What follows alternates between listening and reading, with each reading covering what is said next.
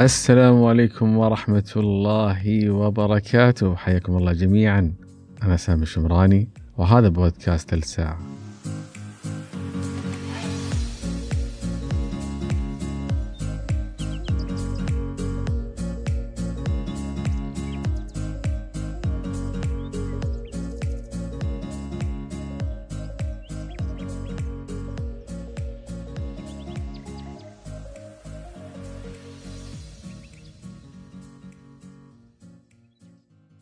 يمكن يعتبر موضوع المقابلة الوظيفية من المواضيع الشائعة والمكررة بشكل كبير واللي تضم العديد من المصادر حول كيفية عمل المقابلة الوظيفية وأسرارها لكن هل فعلا كل هالنصائح والإرشادات حول المقابلة الوظيفية صحيحة؟ أو بمعنى آخر هل تلعب المقابلة الوظيفية دور كبير في حصولك على الوظيفة؟ الجواب من وجهة نظري هي نعم ولا يمكن تتفاجأ من هذا لكن هذه قناعتي وراح أوضح لك ليش بالنسبة لي موضوع المقابلة الوظيفية هو مجرد انطباع أولي حول صفات معينة موجودة في الشخص والتأكيد على أن السيرة الذاتية صحيحة. يمكن راح تستغرب لو قلت لك أنه في مدراء أو موظفين موارد بشرية يتواصلون مع شخص من أجل مقابلة وظيفية ويكون عندهم نية مسبقة بعدم توظيفه. المقابلة الوظيفية ما تعني دائما أنك مؤهل للحصول على الوظيفة.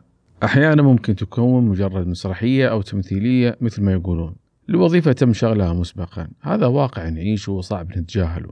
لهذا السبب حديثنا اليوم عن المقابلة الوظيفية راح يكون من ناحية اللعب باحترافية في المقابلات الشخصية وقطع الطريق على أي محاولات إقصاء أو بالأحرى ترك انطباع جيد ممكن يكون مدخل لك.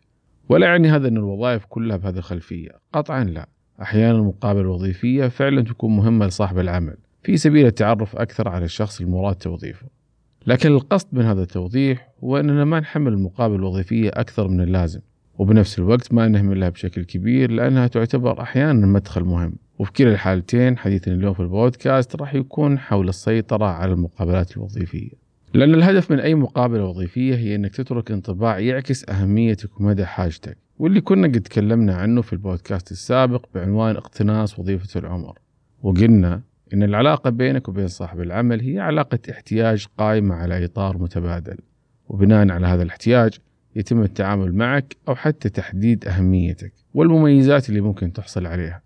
والمقابلة الوظيفية تعتبر البوابة الأولى اللي تقدر من خلالها أنها تحدد مستوى هذا الاحتياج أو مدى أهميته. وممكن أيضا أنها تغير بشكل كبير في رأي صاحب العمل من ناحية استقطابك سواء كان نفس الوظيفة أو حتى الوظيفة أخرى أو على الأقل تبقى حاضر في ذهنه الفترة. وممكن يقترحك لأحد يبحث عن شخص بنفس مؤهلاتك. كل هذا يخلينا نفكر بالمقابلة الوظيفية على أنها تسويق مباشر لأفكارك وقدراتك لشغل أي وظيفة تتناسب معك. ومتى ما تعاملنا مع المقابلة الوظيفية من هذا المنطلق راح نقدر نحقق كثير من الأهداف على أرض الواقع.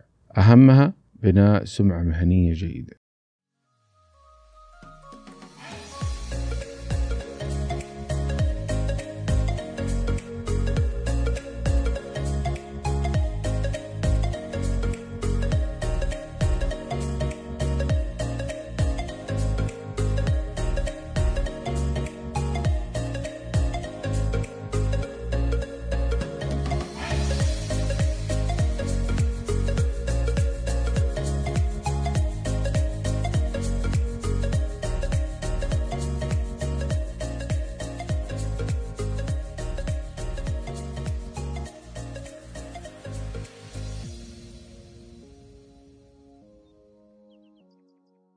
قلنا أن التفكير في المقابلة الوظيفية من منطلق التسويق يعتبر نقطة مهمة وجوهرية لكنه بنفس الوقت يتطلب بعض القناعات اللي تغير فكرتنا عن المقابلة الوظيفية التقليدية.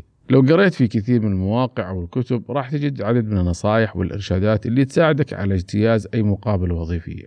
ومع أن هذه النصائح والإرشادات تعتبر جزء مهم إلا أنه يمكن وصفها بأنها مكررة أو تقليدية كثير. وعادة ما يتم تجديدها بشكل دوري وأحيانا يضاف عليها نوع من المبالغة مثل أسرار أو مفاتيح.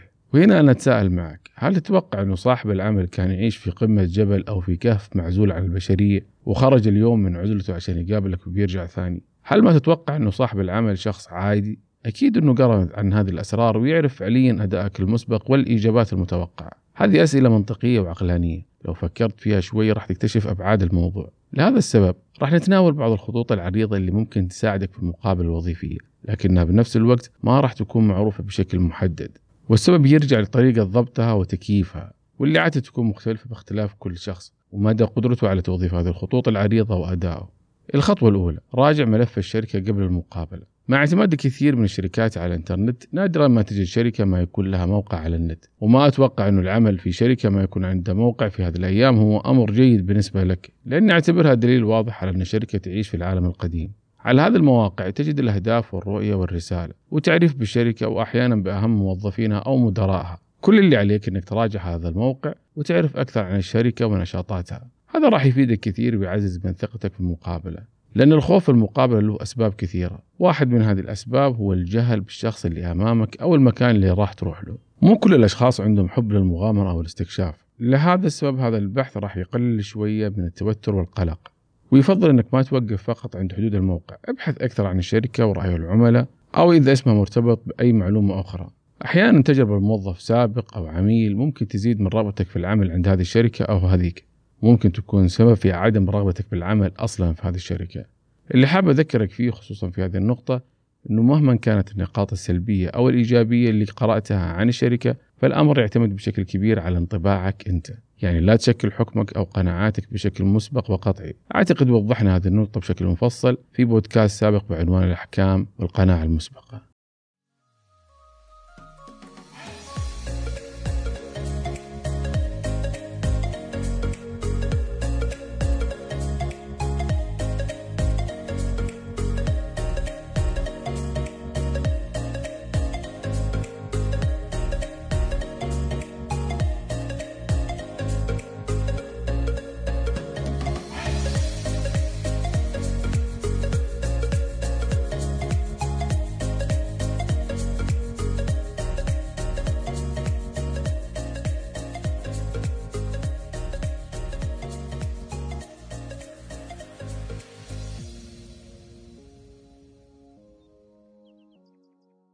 الخطوة الثانية تعلم إجابات الأسئلة الشائعة. كثير من المواقع والكتب تضم عدد من الأسئلة الشائعة واللي أشرنا لها قبل شوي في كلامنا. وعلى الرغم من أن هذه الأسئلة مكررة والكثير من أصحاب العمل يفضلون تفاديها دائما لكنها أحيانا ممكن تكون إشكالية بالنسبة لك خصوصا إذا ما كنت متجهز بشكل كبير. سؤال مثل وين تشوف نفسك بعد خمس سنوات؟ أو وش أسباب رغبتك في العمل؟ تعتبر من الأسئلة المراوغة مثل ما يقولون. يعني الشخص بيعرف نيتك بشكل مسبق ومع كذا تجهيز إجابة شبه مثالية أو إجابة لها صدى ممكن تكون نقطة في صالحك. التجهيز يعني إنك تفكر في أكثر من إجابة وتدونها وتختار الأفضل وتحفظه. ولا يعني إن هذه الإجابة ثابتة ويمكن تتغير مع الوقت. بس الفكرة هي استخدام الأسئلة الشائعة أو طريقة الأسئلة الشائعة لمساعدتك على صياغة إجابة مختلفة. يعني لو جاوبت مثلا أنا أشوف نفسي بعد خمس سنوات وأنت تكرمني للمرة الخامسة على أني الموظف المثالي في هذه الشركة. فهذه إجابة جميلة ممكن تلطف الجو وتعكس صورة أو فكرة عن مميزاتك من غير ما تتكلم فيها مثل الجدية والالتزام وغيره. وهذه نقاط مهمة جدا في المقابلة الوظيفية. اللي بحاول أن أوصل لك له أنه الأسئلة الشائعة طريقة من الطرق وليست الطريقة الوحيدة. وهذا اللي خلانا نضمنها من ضمن الخطوات. الخطوة الثالثة المقابلة تتمحور حول السلوك. من النقاط اللي مهم تدركها في موضوع المقابلة إنها تدور حول السلوك أكثر من المهارة أو الكفاءة أو حتى المعرفة. صحيح أن هذا جانب مهم في المقابلة لكن النقطة الأهم هي سلوكك طريقة تعاملك مع الشخص كيفية تواصلك هل أنت شخص مقبول من حيث الشكل مظهرك الخارجي توترك أو لغة جسدك. كل هذه النقاط يبحث عنها الشخص اللي يرغب في توظيفك أو تقييمك. لهذا السبب ركز بشكل كبير على سلوكك وطريقة كلامك وحركتك وردة فعلك قدر الإمكان. طبعا الأمر شبه مستحيل لبعض اللزمات اللي تمارسها بشكل يومي في حياتك لأن المقابلة ما راح تكون كل يوم في حياتك هي مرات بسيطة فقط. بس لو فكرت في المقابلة على أنها نوع من التواصل والسلوك في التعامل مع الآخرين فراح تقدر تغير كثير من هذه النقاط. تخيل إنك تتعامل مع كل شخص جديد في حياتك على انه عميلك القادم أو مديرك أو شريكك. هذه الفكرة تحديدا راح تخليك تركز أكثر على أفعالك وبالتالي تحاول تصحح منها دائما وبشكل مستمر.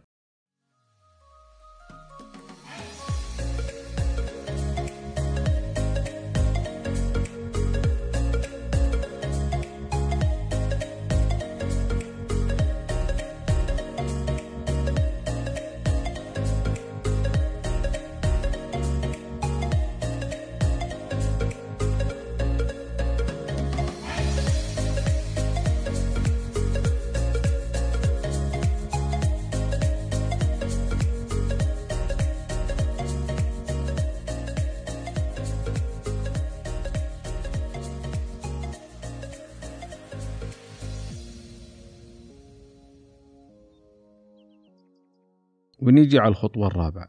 حاول تسوق نقاط قوتك. أقصد بنقاط القوة هنا أفضل المهارات أو المميزات اللي تميزك عن أي متقدم آخر.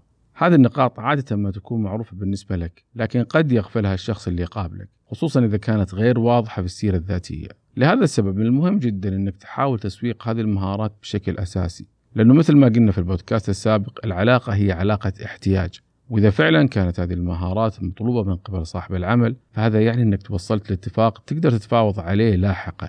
فكرة نقاط القوة يمكن أيضا استغلالها لمعرفة إذا كانت الوظيفة مناسبة أو لا. صحيح أن البعض منا قد يبحث عن وظيفة لأغراض الدخل والراتب لكن هذا ما يمنع أنك تفكر شوي في مهام الوظيفة وعلاقتها بنقاط قوتك. لو كانت الوظيفة أقل من مستواك فهذا نوع من التقليل لنقاط قوتك وبالتالي راح ينعكس على مهاراتك أو أدائك مع الوقت. ويمكن تخسرها نتيجة لعدم الممارسة. لهذا السبب حاول توافق أكثر ما بين الوظيفة وما بين نقاط قوتك. مو فقط من ناحية بيعها لكن التحق بالوظائف اللي تساعدك على تعزيز هذه النقاط وتطويرها. الخطوة الخامسة جاوب الأسئلة اللي تعرفها. من الإشكاليات اللي ممكن تواجهك في المقابلات الوظيفية هي سؤال ما قد مر عليك. ممكن يكون سؤال فني أو تقني أو ممكن يكون سؤال عام لكنك ما تملك إجابة واضحة. راح تسمع كثيرين يقولون لك جاوب بكل ثقة واخرج من الموقف. سواء كانت الإجابة صحيحة أو خاطئة. والحقيقة أن هذه نصيحة غير جيدة. المفترض أنك تعمله في هذا الحال هو أنك تجاوب ما أعرف أو لا أعلم. هذه الإجابة رغم أنها تعكس في ظاهرها قلة المعرفة لكنها هي المعرفة بعينها. ويمكن الإجابة الأكثر شهرة في مثل هذه الحالات أنا ما أعرف لكن تأكد أني راح أبحث وأرجع لك بالإجابة في خلال فترة وجيزة. طبعا هذه العبارة مترجمة عن العبارة الإنجليزية. وسواء اتفقنا أو اختلفنا مع مثالية هذه العبارة إلا أن رأيي يتمثل في الإجابة بعدم المعرفة. ممكن تكون كافية بس بدون ما تضيف لها البحث والعودة مرة ثانية. لكن تأكد أنك راح تبحث عن إجابة هذا السؤال من تلقاء نفسك خصوصا إذا ما مشيت أمور المقابلة وما حصلت على الوظيفة. راح يكون هذا السؤال بمثابة تذكير لك وراح تذكر إجابتك طوال حياتك.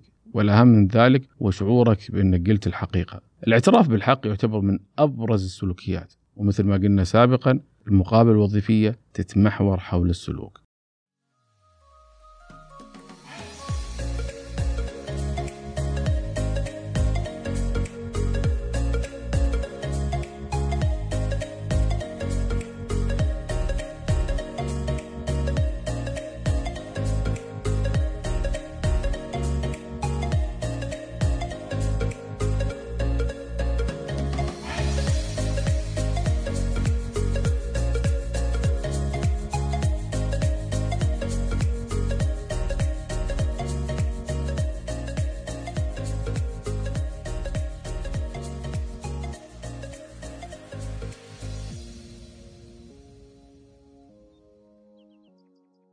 الخطوة السادسة لا تتفاوض في المقابلة. مع الأسف أغلب المقابلات الوظيفية عادة ما تنتهي بسؤال حول الراتب أو المميزات من أي الطرفين. ومع الأسف أيضا هذا السؤال يقود دائما للتفاوض حول الراتب والمميزات بشكل مباشر أو غير مباشر أثناء المقابلة الوظيفية.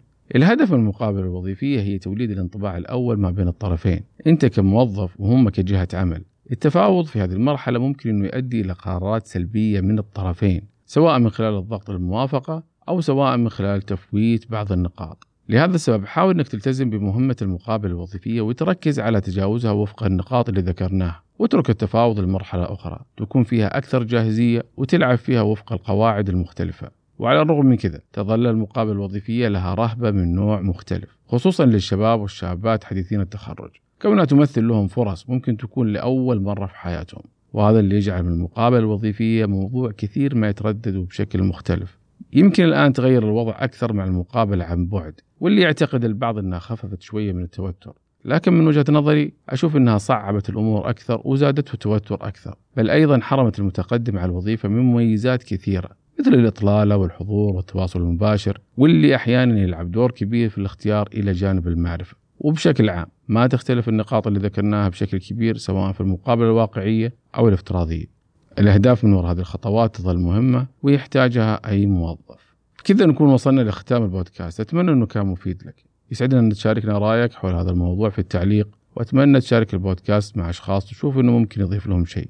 تقدر أيضا تتواصل معي عبر البريد الإلكتروني من خلال صفحة التواصل على موقعي. راح تلقى رابط الموقع في البايو. كنت معكم أنا سامي شمراني. هذه ثلث ساعتنا لليوم. ونشوفكم على خير. في أمان الله.